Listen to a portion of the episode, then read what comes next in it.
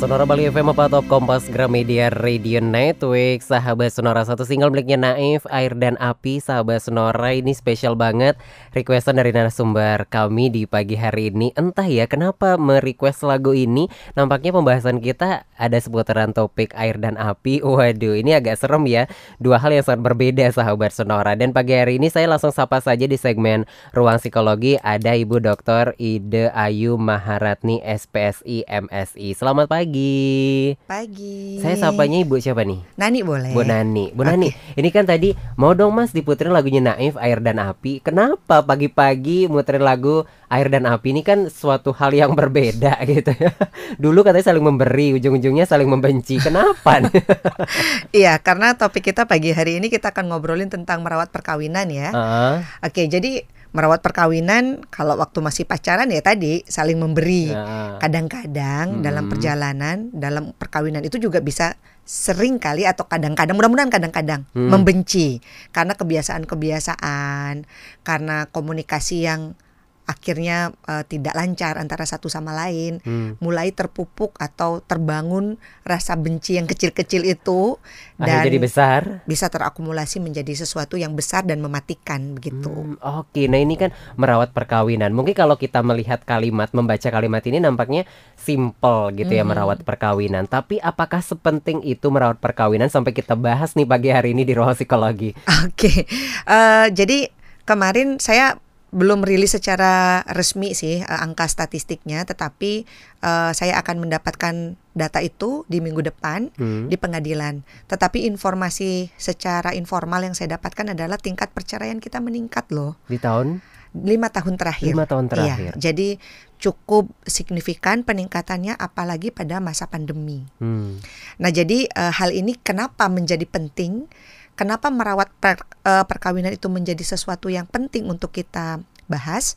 Karena nanti ada anak-anak kita nih yang perkawinan itu merupakan pondasi Hmm. dari bagaimana anak-anak kita tumbuh dan berkembang di tanda kutip rumah atau hubungan yang hangat atau tidak. Oke. Itu menjadi hal yang penting. Karena em, satu hal yang kita perlu sampaikan juga di awal ya, eh, tadi kita udah ngobrol juga secara off air bahwa tidak ada usia perkawinan yang tidak rentan. tidak atau- ada ya. usia perkawinan tidak rentan. Betul.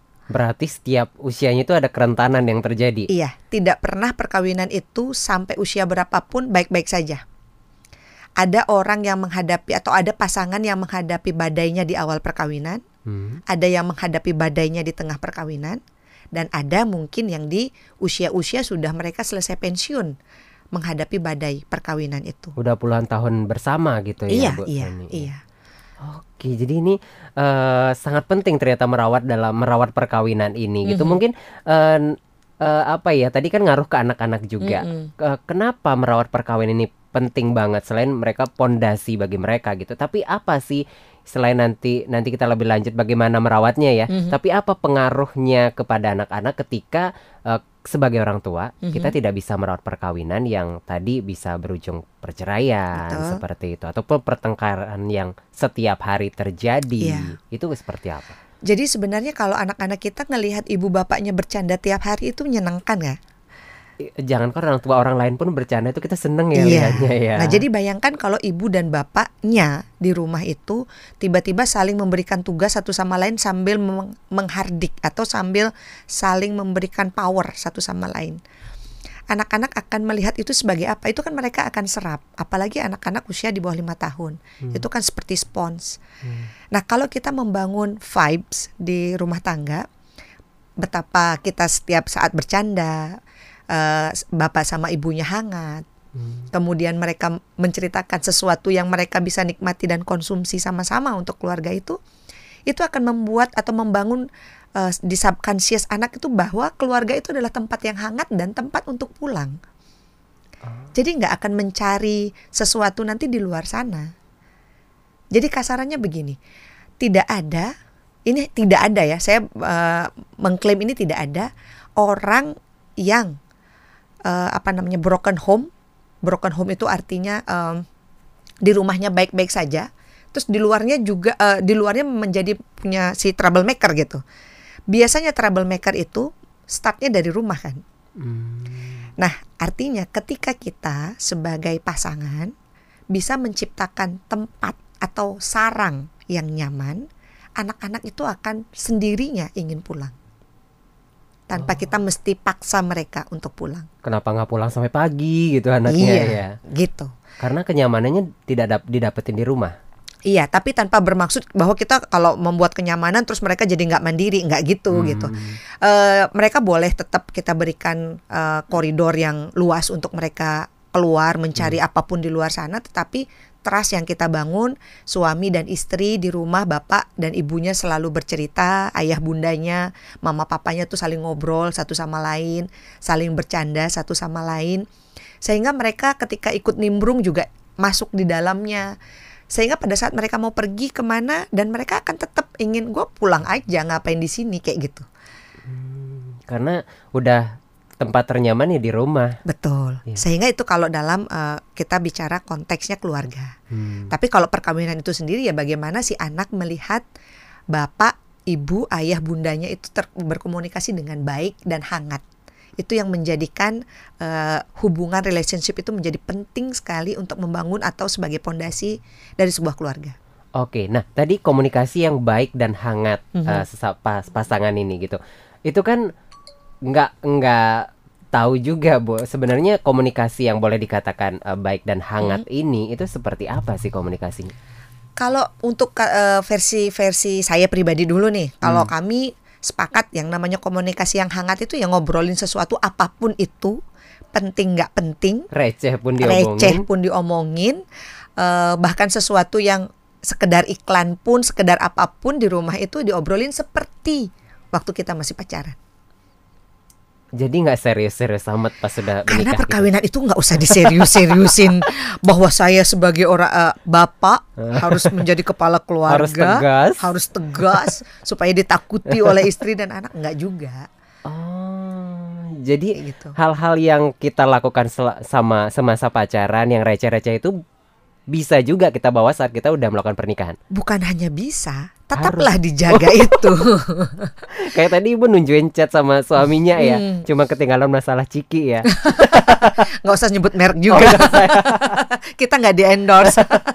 Padahal harganya nggak seberapa ya. iya, iya. Oh seperti itu. Itu salah satu hal untuk merawat perkawinan. Mhm. Tapi masih banyak hal untuk merawat perkawinan ini agar tetap baik-baik saja gitu ya sampai nanti karena pengaruh juga terhadap anak. Nanti kita Betul. bahas ya Bu Nani ya. Siap, siap. Selanjutnya, sahabat sonora kalau mau cerita atau mau tanya-tanya sama Bu Naninya boleh yang eh, ingin tahu bagaimana merawat perkawinan tidak hanya bagi Anda yang sudah menikah tapi yang mau mempersiapkan pernikahan juga penting tahu juga nih sahabat sonora ya bagaimana sih nanti ketika kita sudah melangsungkan pernikahan tahu bagaimana cara merawat perkawinan nanti kita akan kembali kembali setelah beberapa jeda tetap di Sonora Hits di segmen Ruang Psikologi. Radio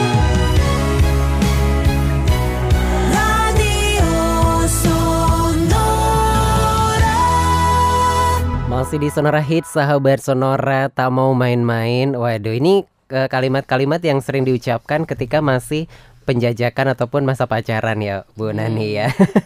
Tapi pertanyaannya apakah setelah Anda melakukan pernikahan masih sering mengucapkan kata-kata ini atau malah sebaliknya? Udah ngerasa itu nggak penting lagi gitu ya. Nah, ini mungkin salah satu cara me- merawat perkawinan juga mungkin dengan kalimat-kalimat yang dulu sering diucapkan saat pacaran terus dibawa ke pernikahan itu masih penting juga. Oh tentu saja. Eh, memang ada poin yang tidak kalah pentingnya adalah pasangan itu Hmm. mesti tumbuh sama-sama. Oke. Jadi kalau yang laki-lakinya bertumbuh, bertumbuh dalam arti bisa dalam karirnya, Hmm. dalam pergaulannya, dalam pengetahuannya, seyogianya istrinya juga ikut bertumbuh di eh, sebelahnya sehingga ngobrolnya tetap nyambung, kompatibel satu sama lainnya. Sama kayak kita punya HP deh. Hmm. Sekarang HP kita udah upgrade. Hmm. Program-program lamanya kan udah nggak bisa dipakai lagi. Iya. Tapi kalau misalnya pasangan salah satu di antara pasangan masih pakai program yang lama, HP-nya baru udah nggak kompatibel, nggak kebaca kan? Oh iya benar Gitu. juga. Jadi, Jadi, udah nggak nyambung lagi nggak komunikasinya. nyambung sehingga eh, perlu makanya komunikasi itu bridging eh, dari pasangan ini untuk benar-benar bisa membabat semua hal-hal yang bisa aja overthinking satunya Hmm. bisa aja yang perempuan terutama ya bisa aja baper gitu Hmm. yang tumbuh hanya di pikiran dia dan dia mesti eh, konfirmasi itu kepada pasangannya. Sehingga kalau misalnya itu dimulai dari awal, jangan berpikiran sendiri, membangun narasi sendiri, kemudian mengiyakan sendiri, Sendiri, menyimpulkan kemudian sendiri ya. menyimpulkan sendiri, sebel sendiri, dan terjadilah itu di kepalanya sendiri gitu. Itu yang banyak eh, terjadi di di di di masyarakat kita sesungguhnya. Hmm. Sehingga sama kayak tadi analoginya, kalau misalnya kita beranggapan itu sebagai, seperti handphone, ya udah, coba dicari program yang kompatibel sama HP-nya. Hmm. Jadi itu yang membuat sebenarnya kita enak kan? Hmm. Jadi komunikasinya jadi lancar dan nyambung ya, Bu Betul. Nani ya. Apakah dia akan menggunakan HP itu untuk main game? Berarti speknya mesti support untuk itu Hmm, kan? hmm. Ada juga yang suka untuk foto. Beda lagi spesifikasinya. Sehingga setiap pasangan itu akan memiliki style dan eh, apa namanya kekasannya masing-masing nggak bisa kita compare. nggak bisa disamain satu sama Ya, lain. Oh, iya. nggak bisa. Oke. Jadi ada satu pasangan yang memang misalnya seneng mereka vacation gitu. Terus ada pasangan lain yang tadinya baik-baik aja, begitu melihat di sosial media, kok dia vacation terus? Sementara pasangan ini tadinya baik-baik saja dengan kita investasi yuk. Misalnya nih, Hmm. buat nanti ke depan, eh, buat anak kita gitu. Ya nggak apa-apa, sah-sah saja. Ada orang yang mau vacation menggunakan uangnya, ada pasangan yang mau melakukan investasi. Itu sah-sah saja, itu pilihan, opsi. Selama mereka berdua ini komunikasi dan memang keputusan bersama. Yes. Oke. Itu aja sih sebenarnya sesederhana itu Kal- makanya banyak sekali eh, perdebatan karena yang tadinya eh, mereka nggak apa-apa nggak makan di luar sekarang ngelihat itu kan sosial media Ngaruh tipu-tipu banget ya. banget ya gitu indahnya kan cuman di situ tapi Nah, orang pada tahu itu tipu-tipu tetapi mereka juga pengen tetap dijadikan kiblat ya. Iya.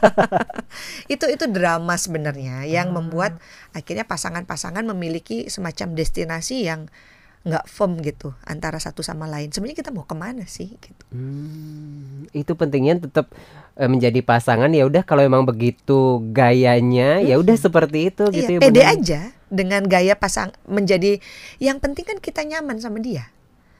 Oh, iya ya. Iya, sama pasangan kita. Udah nyaman buat nyari apa lagi ya? Iya, buat apa kita merasa seolah bahagia di luar, tapi sebenarnya kita nggak nyaman hanya untuk memenuhi expectation netizen gitu. Yang maha benar ini. gitu. Sama kayak sepatu kan. Walaupun bentuknya mungkin butut, tapi lu makainya enak gitu.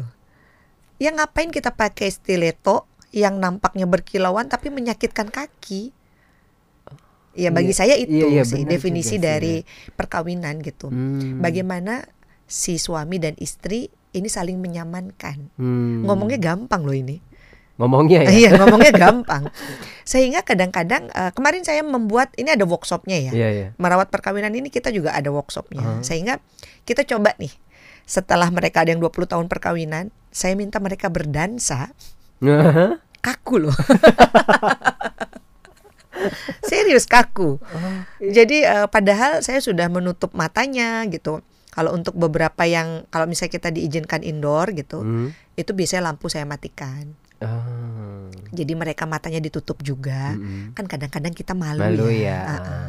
Sehingga eh, pada saat itu kita coba menghangatkan lagi Hmm. eh, apa namanya mesin-mesin mereka yang sebenarnya panas cuman banyakan distorsinya aja gitu. Iya karena udah lama ya. Iya, Oh. gitu. Oke oke. Nah tadi sempat ngobrol juga. Ini tentang sebuah perayaan boleh Mhm. dikatakan ya. Kalau kita kan eh, kalau saya mungkin belum menikah paling fokus sama ulang tahun dan lain Mhm. sebagainya. Tapi ketika udah menikah kan ada istilah anniversary pernikahan. Ya. Terus tapi ulang tahun juga tidak akan pernah dilupakan. ya nggak sih Bu Betul, Nani? betul. Nah ini sebenarnya banyak juga saya melihat orang-orang yang berkomentar lebay banget sih ngapain sih anniversary pernikahan segala hal atau apa ada yang buat pesta atau hal sebagainya Mhm. tapi emang nggak sepenting itu atau penting nggak sih sebenarnya gitu Bu Nani? Oke, eh, jadi biasanya kalau wedding anniversary itu yang jamak kita lihat di sosial media, biasanya mereka akan melihatkan lagi, mereka akan buat tuh story Party gitu ya. ya. No no no, Oh. bukan party sih, lebih ke Story? eh, mereka kayak misalnya foto weddingnya, Oh. kemudian ada berapa lama perjalanan perkawinan, Oke. kemudian jadi puitis gitu kan. Coba deh jadi lihat deh. romantis Iya. mendadak ya oke bahwa eh, kita menua bersama gitu. Heeh. Tetapi eh, sejauh saya masih dalam kajian untuk eh, difoto dan di apa namanya di dalam sosial media itu. Dipamerin ke Ya, kalaupun ya. kalaupun merayakan oke itu bagus. Kenapa menjadi penting gitu? Em, saya sama teman-teman dalam circle kecil sudah melakukan ini. Karena kalau eh, ulang tahun kita setiap tahun itu kayaknya nyampe-nyampe aja ya kalau kita hidupnya kayak kayak gini gitu ya. Pasti di ada aja perayaannya ya. Ada entah sama teman, Iya, teman iya, iya. kantor, Iya, iya. teman jalan, apalah eh, dirayakan gitu. Cuman biasanya kalau giliran wedding biasanya yang laki-laki nggak inget tuh Lupa ya. Uh, sampai kejadiannya si siapa tuh eh, Arman Maulana inget nggak Se- sehingga lagu 11 Januari itu muncul itu karena dia disomasi sama istrinya dia tidak Oh, ingat Oh, dia nggak Oh, oh Iya, itu dia cerita nggak- lagunya iya. gitu. Oh, Coba cari loh. deh, coba Oh, cari. Oke, oke. jadi eh, istrinya Dewi Gita itu Hmm. setiap mau merayakan ulang tahun perkawinan eh, suaminya nggak inget nggak disalahin ya Hmm. karena laki-laki memang tidak eh, apa struktur otaknya memang tidak untuk mengingat hal-hal yang begitu gitu maka perempuan kadang-kadang uring-uringan karena dianggap nggak sayang lagi Oh, gitu Udah nggak care lagi. Padahal itu dua hal yang berbeda. Nah, tetapi berangkat dari itu Hmm. sampai akhirnya menjadi semua orang akhirnya merayakan ulang tahun perkawinan mereka kan. Karena lagu itu asal udah Januari Iya. gitu, pasti akan ada aja radio yang muter Iya, iya, iya. iya. gitu. Itu karena eh, lupa Arman Maulana sama eh, hari perkawinannya. Oh. Sehingga dia membuat lagu yang akhirnya mengingatkan dia setiap itu dia nyanyi kan Heeh. 11 Januari Januari. kita aja jadi tahu dia ulang tahun perkawinannya Kawinannya 11 Januari ya. Nah, eh, kembali ke kenapa sih mesti dirayakan? Karena perkawinan itu kan mesti diupayakan. Satu sama lainnya tuh harus saling mengupayakan. Si suami dan istri itu harus saling mengupayakan. Sehingga satu tahun itu menjadi sesuatu yang berharga untuk perjalanan kan, berdamai, menjaga eh, ego supaya nggak overlap, supaya nggak saling mendominasi satu sama lain, tapi grow together gitu. Hmm. Jadi itu yang menjadi poin penting kenapa kita eh, sama kayak kita di kantor kan celebration juga kalau achievementnya nyampe Iya, iya, apa iya, eh, targetnya Iya, nyampe iya, iya. kita kan celebration Hmm. bahwa target pendengar kita sekian target capaian kita sekian oh ini tercapai nih yuk kita selebrasi lalu pa- kenapa perkawinan dianggap basa-basi gitu setiap tahunnya nggak nggak nggak dilakukan perayaan Ya udah dilewati begitu saja gitu. Iya, padahal dulu dipersiapkannya sedemikian rupa Iya, ya iya, sampai berbulan-bulan gitu. Hmm. Sehingga sekarang kayak lewat begitu saja boring, garing. Ya, jangan lah. Makanya eh, bagi eh, pemirsa atau siapa pun di luar sana yang memang baru saja melangsungkan perkawinan, yuk dirayakan yuk. Setiap tahun sederhana aja. Kalau nggak punya lagi sama-sama sibuk, makan nasi jinggo juga nggak apa-apa. Ya penting merayakan tetap merayakan. Iya, ingat kemudian eh, kalaupun lagi salah satunya di luar kota video call yuk makan sama-sama kita cheers kan bisa. Sama-sama. Sehingga eh, laki-laki menganggap itu sebagai ya dia juga diapresiasi atas perjuangannya menjadi tanda kutip kepala keluarga yang perempuan juga sebagai tim tim leader tim player sama dalam keluarga gitu. Jadi sehingga bisa betul-betul dalam dalam hubungan dalam komunikasi ini eh, sama-sama akhirnya yes kita dapat nih satu tahun lagi gitu. Itu yes loh. Bukan Iya, iya. ya udah memang harusnya begitu. No itu yes. Karena tadi yang kita bahas di awal kan Iya, iya, iya, iya. per- perceraian itu bukan hanya yang terjadi di satu tahun, lima tahun. Memang seperti kurva normal, yang paling banyak itu terjadi antara 5 sampai eh, 10 tahun. Memang iya. Hmm.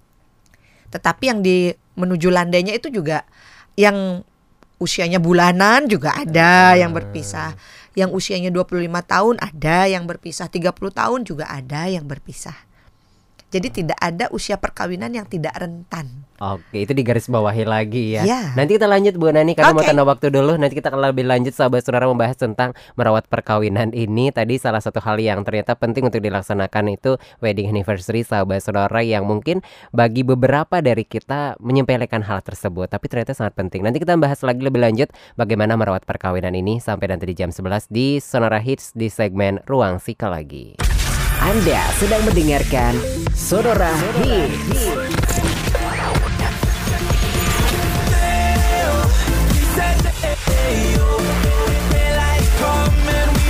Sonora Hits.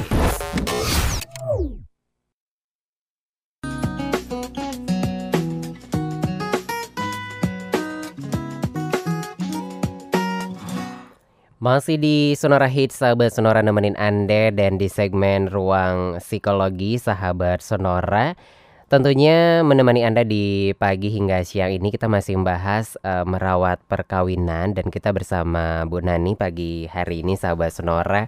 Tadi udah kita bahas sedikit gitu ya mengenai ternyata sepenting itu eh, yang namanya wedding anniversary ini tapi banyak dari kita mungkin menganggapnya sepele gitu ya Bu Nani ya. Tapi selain eh, tadi eh, wedding anniversary hal-hal kecil yang mungkin eh, sebenarnya perlu kita lakukan gitu di dalam sebuah perkawinan tapi ternyata banyak orang yang menyepelekan hal itu. A- apalagi biasanya untuk eh, merawat perkawinan ini Bu Dani Oke, jadi kadang-kadang kita bukan kadang-kadang sih, eh, kita nggak pernah tahu gambaran apa sih kita yang yang kita inginkan untuk keluarga kita sama Hmm. pasangan kita. oke Jadi pada saat terjadi perkawinan, pernikahan, itu kan bahagia selamanya. ya Itu hanya ada di negeri dongeng ya. Jadi sebenarnya bagaimana bertahan selamanya Hmm. sama pasangan kita kan dia adalah orang yang akan memiliki eh, traumanya entah apa pun yang terjadi pada dia dan masa lalunya begitupun kita memiliki trauma atau ketakutan atau apa pun pada diri kita yang mungkin akan sulit eh, berubah. Jadi nggak ada nih nanti akan berubah. Perempuan-perempuan banyak loh yang tanda kutip heroik gitu ya. Jadi menemukan lelaki yang eh, kurang pas tetapi dalam perkawinan dia berpikir akan bisa mengubahnya. Nanti juga akan berubah sering berjalannya waktu. Iya, cinta akan membawanya kembali kayak lagunya Dewa itu. Sebenarnya eh, mungkin iya, tetapi tidak sepenuhnya benar Hmm. karena itu adalah sebenarnya modal. Dari awal kita sudah menerima dia seperti itu, maka jangan berpikir dia akan berubah seperti apa yang kita mau. Ini banyak nih yang kejadian. Pasangannya itu ingin dibentuk seperti apa yang dia mau. Hmm. Padahal pasangan kita dan dia kan bukan lagi kita dan dia, tetapi bagaimana saya dan kamu akhirnya ber eh, ber eh, bernegosiasi sehingga mencapai satu titik kan yang harmoni. Jadi nggak bisa dibentuk seperti saya maunya bentuknya bulat gitu atau warna deh kita pakai warna Iya, gitu. iya, iya. Saya kuning, pasangan saya merah. Saya kan nggak bisa memaksa pasangan saya ikut kuning karena merah ketemu kuning itu adalah orange sesederhana itu sebenarnya. Eh, sama kayak misalnya eh, saya dididik oleh keluarga yang kuning tadi, suami saya dididik oleh keluarga yang warnanya merah. Ternyata pasangan eh, saudara suami saya ketemu lagi si merah sama warna hijau. Hmm. Dia akan menjadi pasangan yang biru kan. Oh. Bertemu sama kami yang pasangan orange. Ya kita harus saling respect juga gitu. Nah jadi contohnya seperti itu. Kalau dalam spek yang kecil, dia merah, saya kuning, maka kami akan menjadi orange. Ya kita akan berdialog dan berdiskusi dengan warna yang baru, orange ini. tidak lagi bawa warna sendiri-sendiri Iya, nggak lagi lebih bagus kuning, nggak lagi lebih bagus si merah. Tetapi kalau memang kita membutuhkan warna yang lebih bright misalnya, eh, yang lebih terang, lebih kencang, mungkin kita bisa eh, bawa ke kuning.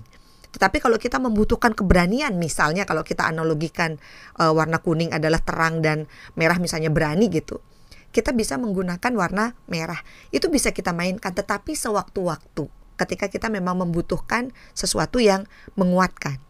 Tetapi kita sendiri adalah pasangan yang berwarna orange. Itu harus disepakati.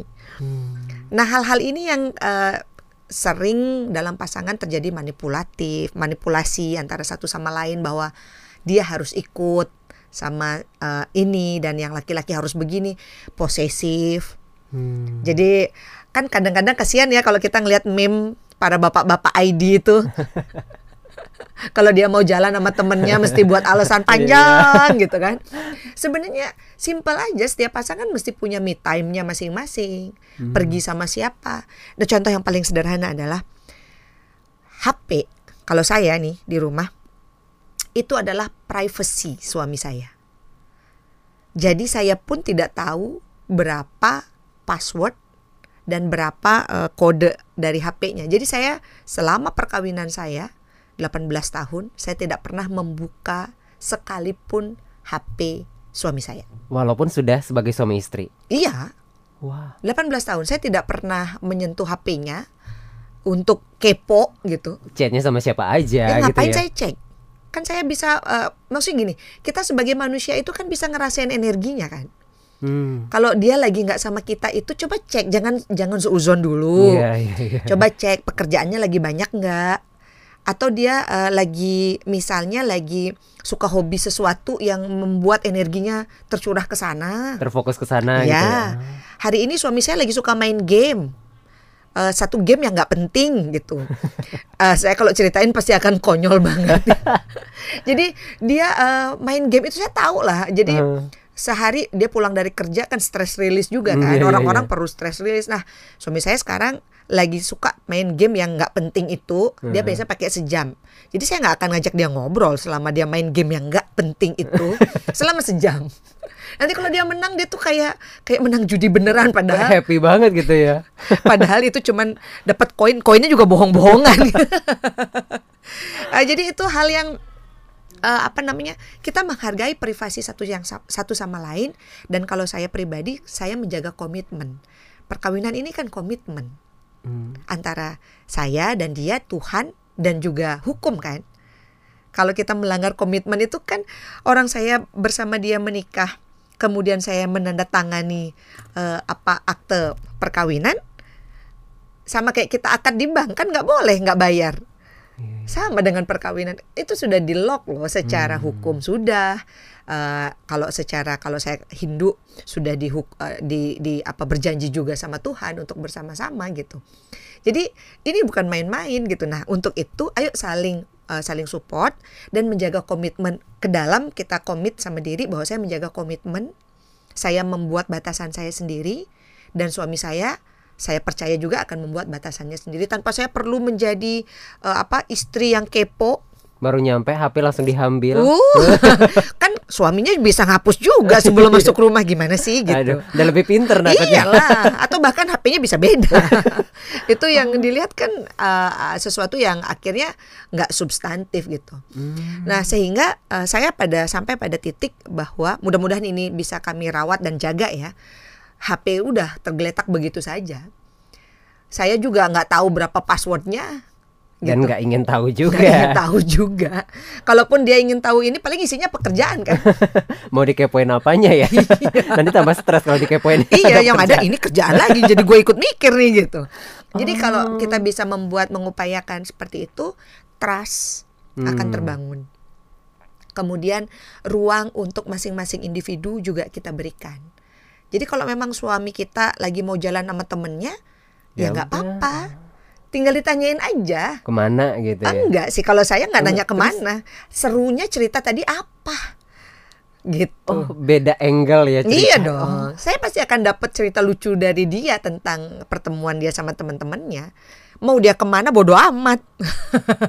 Dan itu membuat pasangan kita juga tidak akan segan untuk cerita apa pun yang terjadi kepada kita berarti iya. dong. Dan justru saya heran malah dia yang pengen. eh, ini laki-laki ya. Iya, iya, Makanya iya. saya bilang biasanya laki-laki nggak suka ditanya-tanyain.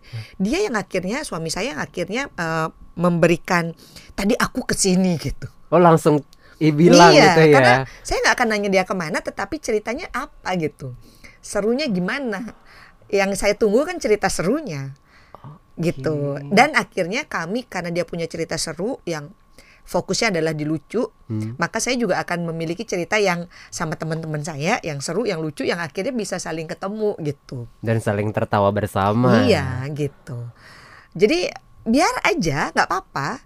Karena kalau misalnya semakin di kayak gimana ya, kayak semakin digenggam kan semakin lepas gitu. Hmm, iya iya iya. iya. Hubungan perkawinan tuh memang unik. Jadi kayak kayak layangan lah di di diulur iya, tapi mesti ditarik juga. Terus eh, eh, apa? Sewaktu-waktu kita mesti memang mungkin tarik ya, ada bertengkar. Hmm. Kadang-kadang sudut pandangnya berbeda. Hmm. Kita ngambil problem ini dari angle ini, suami kita atau pasangan kita dari angle yang berbeda. Hmm. Nah, itu mesti diem dulu. Diam. Jang, iya. Ka- sabar dulu sabar gitu. Jangan langsung ngegas ya. Iya. Jangan. Sama kayak tutup panci kalau di dapur. Kalau lagi panas nggak bisa loh dibuka tutup pancinya. Iya, ini karena saya emak-emak gitu ya. Jadi contohnya panci ya. iya, jadi eh, ada kayak misalnya saya rebus telur gitu. Hmm. Begitu dimatiin itu nggak bisa sekuat apa pun saya membuka tutup panci itu, itu nggak akan bisa kebuka.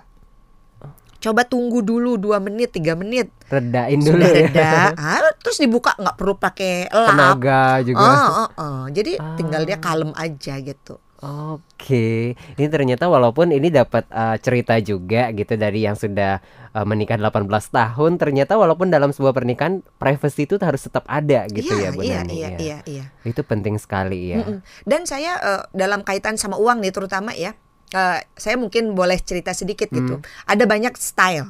Jadi saya nggak bilang ini yang paling benar. Ada banyak style. Ada pasangan yang mengingin atau eh, membuat satu rekening bersama-sama dikelola sama istri misalnya. Hmm. Ada orang yang atau ada pasangan yang menginginkan mereka kelola masing-masing income. Hmm. Boleh-boleh saja, sah-sah saja. Kalau saya menganut adalah orang yang memperoleh income masing-masing, kemudian memiliki tanggung jawab masing-masing, dan menyelesaikan tanggung jawab itu masing-masing tanpa bertanya uang lu berapa dan uang saya berapa. Oh. Itu itu kok eh, komitmen eh, konsensus kami, kesepakatan kami gitu. Hmm. Jadi suami saya jadi dia mau jalan sama temannya, mau punya hobi apa pun ya monggo. Kita nggak akan mengganggu hobi itu sejauh kewajiban yang kita sepakati tadi udah dia penuhi Hmm. gitu. Kalau saya misalnya sama. Kalau perempuan misalnya sukanya nyalon, Hmm. sukanya traveling Oke. gitu ya, pengen jalan sama teman-teman ya silahkan. Upayakan dengan cara ya menyisihkan income saya gitu untuk itu. Jadi kita saling eh, kalau ditanya berapa sih sebenarnya income suami saya, mungkin banyak banyak orang berpikir atau banyak pasangan berpikir kamu nggak tahu, ya saya nggak tahu. Tetapi tanggung jawabnya suami saya bisa beresin gitu. Nah, eh, artinya bukan berkiblat pada kami ya. Iya, ini iya. sharing tentang kami bahwa saya nyaman, kami nyaman dengan cara seperti itu sehingga nggak ada audit auditan. Kenapa uangnya habis? Ini ke mana keluarnya kok ada segini keluar gitu? iya, ke mana dan sebagainya. Nggak kayak gitu. Makanya kalau kita di rumah anak-anak suka malakin bapaknya karena Hmm. eh, ini gopay bapaknya selalu banyak saldonya.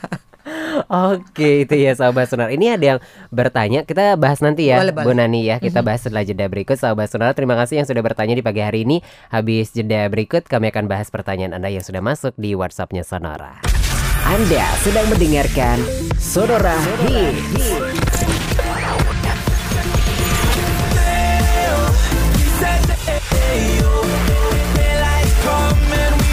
Sonora Hits.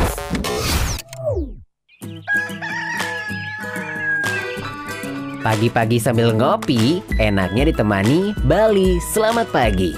Bali Selamat Pagi kami hadirkan untuk menemani pagi Anda dengan informasi terkini dan lagu-lagu terbaik. Selamat pagi, aku ucapkan Bali Selamat Pagi hadir setiap hari dari jam 6 pagi sampai 9 pagi hanya di Sonora Bali, a part of Kompas Gramedia Radio Network.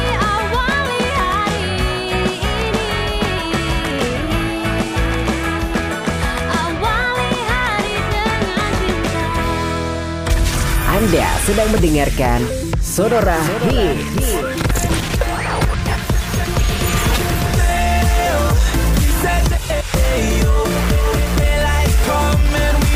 Sonora Hits.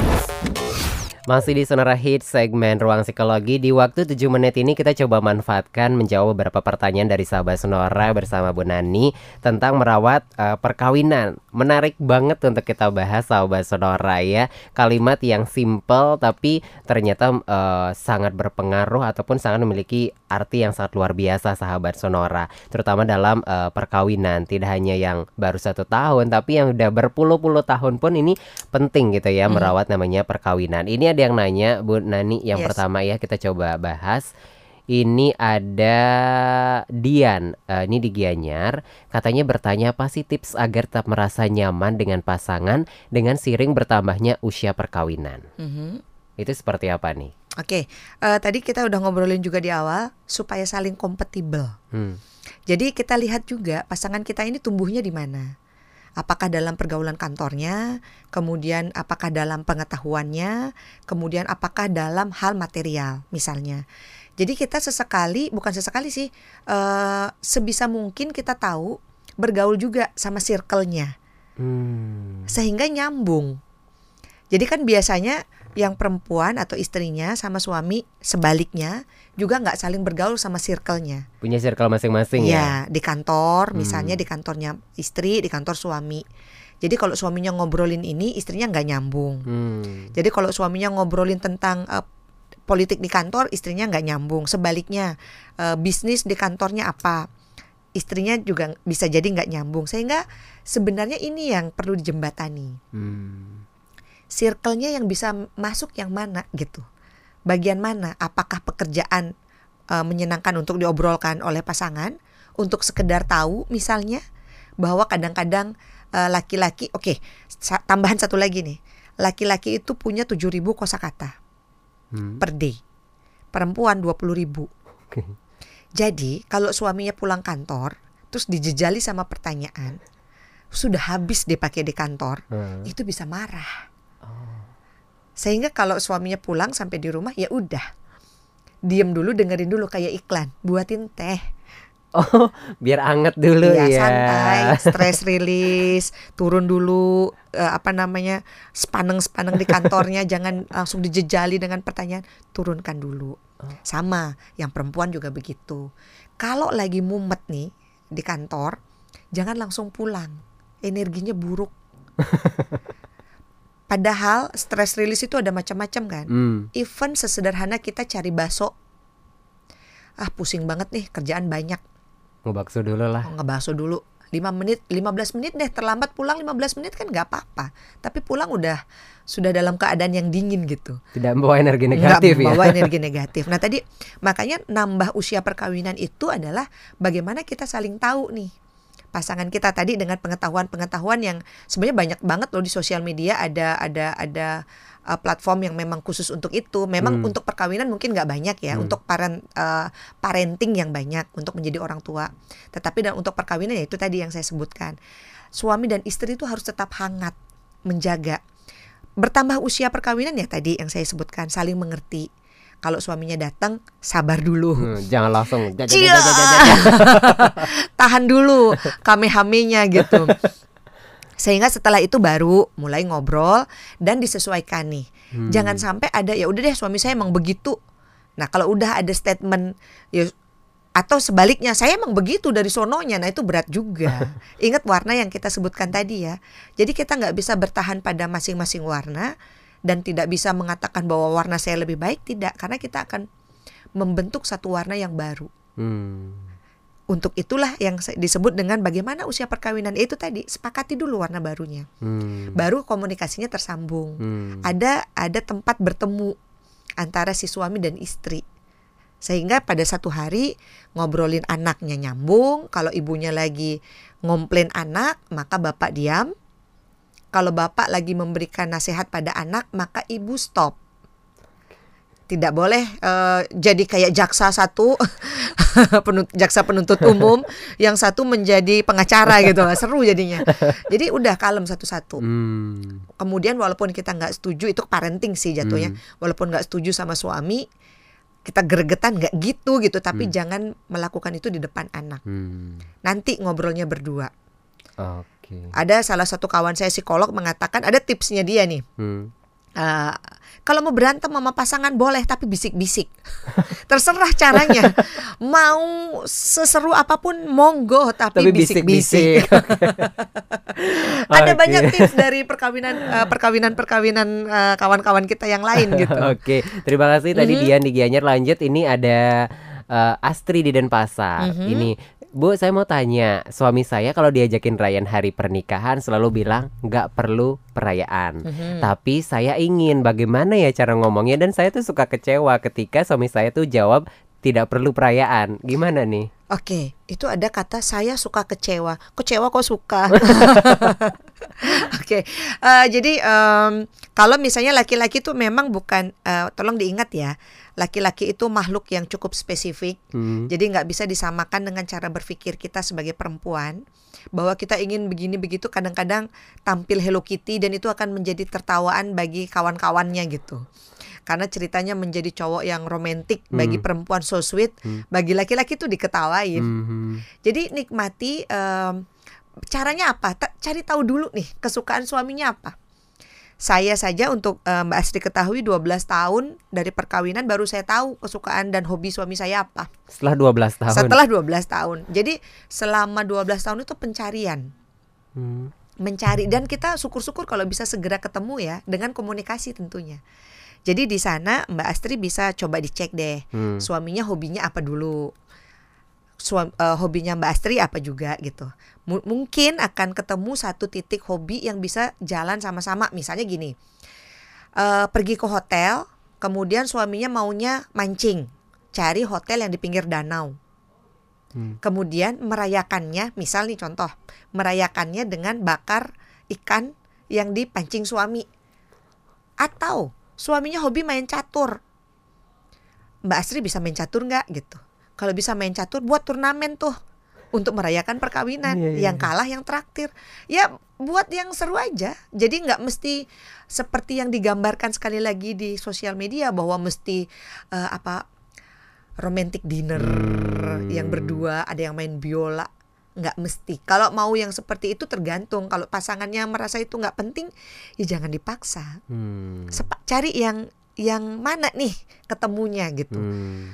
Mau naik motor keliling Pulau Bali atau nyebrang sampai ke Lombok sampai ke Jawa lanjut ke Sumatera ya monggo monggo aja Aja. gitu silakan makanya jadi eh, jangan berpikir bahwa template yang ada di kepala kita itu kita pindahkan ke otak atau pikiran pasangan kita itu nggak akan diterima itu akan Hmm. ditolak mentah-mentah bukan hanya diterima Baru ngomong udah langsung ditolak ya. pasti ditolak mentah-mentah coba dilihat dulu hobinya apa masuk lewat sana Hmm. Ingat loh perempuan memiliki lentur kelenturan untuk melakukan itu.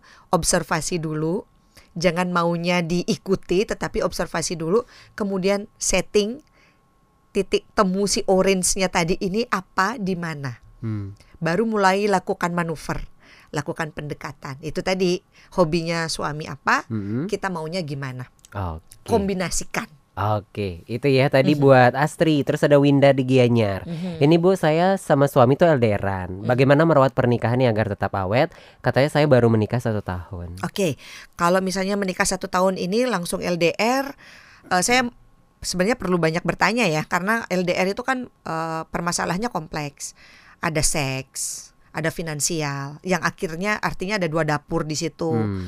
eh, dua kos juga gitu. Kemudian ada juga kalau misalnya sudah ada anak, bagaimana cara berkomunikasi ini agak agak agak kompleks sih untuk untuk ini. Tetapi kalau memungkinkan untuk yang LDR sekarang teknologi sudah sangat baik Hmm. sudah sangat mengakomodir bisa melakukan dengan jam-jam yang disepakati untuk melakukan video call. Jadi silahkan melakukan video call apakah dengan anak misalnya, Hmm. kemudian eh, pasangan juga tapi ditentukan jamnya ya. Hmm. Jangan tiba-tiba eh, jam sekian gitu. Ditentukan eh, supaya tetap menjaga privasi dan kesibukan masing-masing pasangan. Cuman memang eh, ini nggak sesederhana balik lagi ngomong eh, si motivator mana pun gitu ya. Ini memang tidak mudah. Hmm. Tetapi sekali lagi sejauh kita doakan ini jauhnya eh, jatuhnya lebih ke spiritual Hmm. karena kita nggak bisa mengontrol suami kita 24 jam. Sebaliknya suami juga nggak bisa mengontrol istrinya 24 jam. Yang bisa dilakukan adalah bagaimana betul-betul saling mendoakan satu sama lain, saling percaya. Komitmen yang tadi kita bahas di awal. Kemudian saling memberi ruang kalau memang lagi capek ya capek tetapi kalau misalnya suaminya lagi lagi pengen diskus atau istrinya lagi pengen diskus tolong belikan saya ruang ya Hmm. 10 atau 15 menit waktu ya. untuk merespon eh, emosi saya gitu.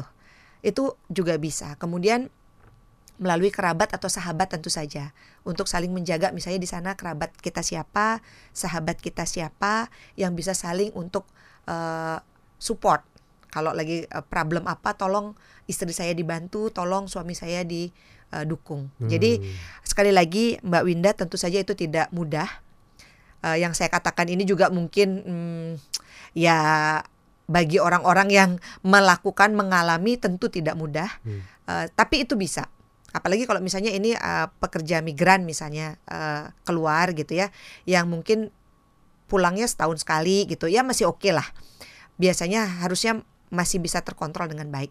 Percayalah dan kirimkan doa sih yang kalau menurut saya supaya lebih eh, komitmennya itu bisa dipegang satu sama lain Oke, itu ya eh, yang sudah bertanya yang nggak bisa kejawab karena waktunya udah mepet udah jam 11 lewat dikit nih sahabat sonora. Bu Nani apa yang ingin disampaikan terakhir nih pesan buat sahabat sonora tentang topik kita silakan. Oke, baik eh, pasangan tetap saja harus menjadi pasangan yang hangat karena pasangan yang hangat adalah tempat di mana anak-anak kita pulang, adalah sarang yang membuat anak-anak kita selalu menjadi anak-anak yang baik dan tumbuh berkembang secara optimal. Untuk itu pasangan, suami dan istri menjaga komunikasinya dengan baik, kemudian saling support dan tetap menjadi pasangan yang kompatibel satu sama lain dan menyamankan satu sama lain dengan komunikasi yang terbuka. Saya rasa itu, uh. Oke, baik sahabat sonora, obrolan kita sangat padat sekali ya. Terima kasih Bu Nani, mudah-mudahan lain kesempatan kita bisa ngobrol lagi Siap. dengan topik-topik yang sangat luar biasa yang boleh dikatakan mungkin tadi eh, merawat perkawinan kalimat simpel tapi ternyata di dalamnya rumit dan sangat penting ya untuk dilakukan sahabat sonora. Dan tentunya buat Anda yang kelewatan obrolan kita dari awal sahabat sonora nanti bisa kembali Anda dengarkan di podcast Sonora Talk. Anda bisa update eh, nanti bisa dengarkan di sana karena akan diupdate di sana ya. Sonora Hit saya lanjutkan sampai jam 12 siang nanti. Anda sedang mendengarkan Sonora Hits.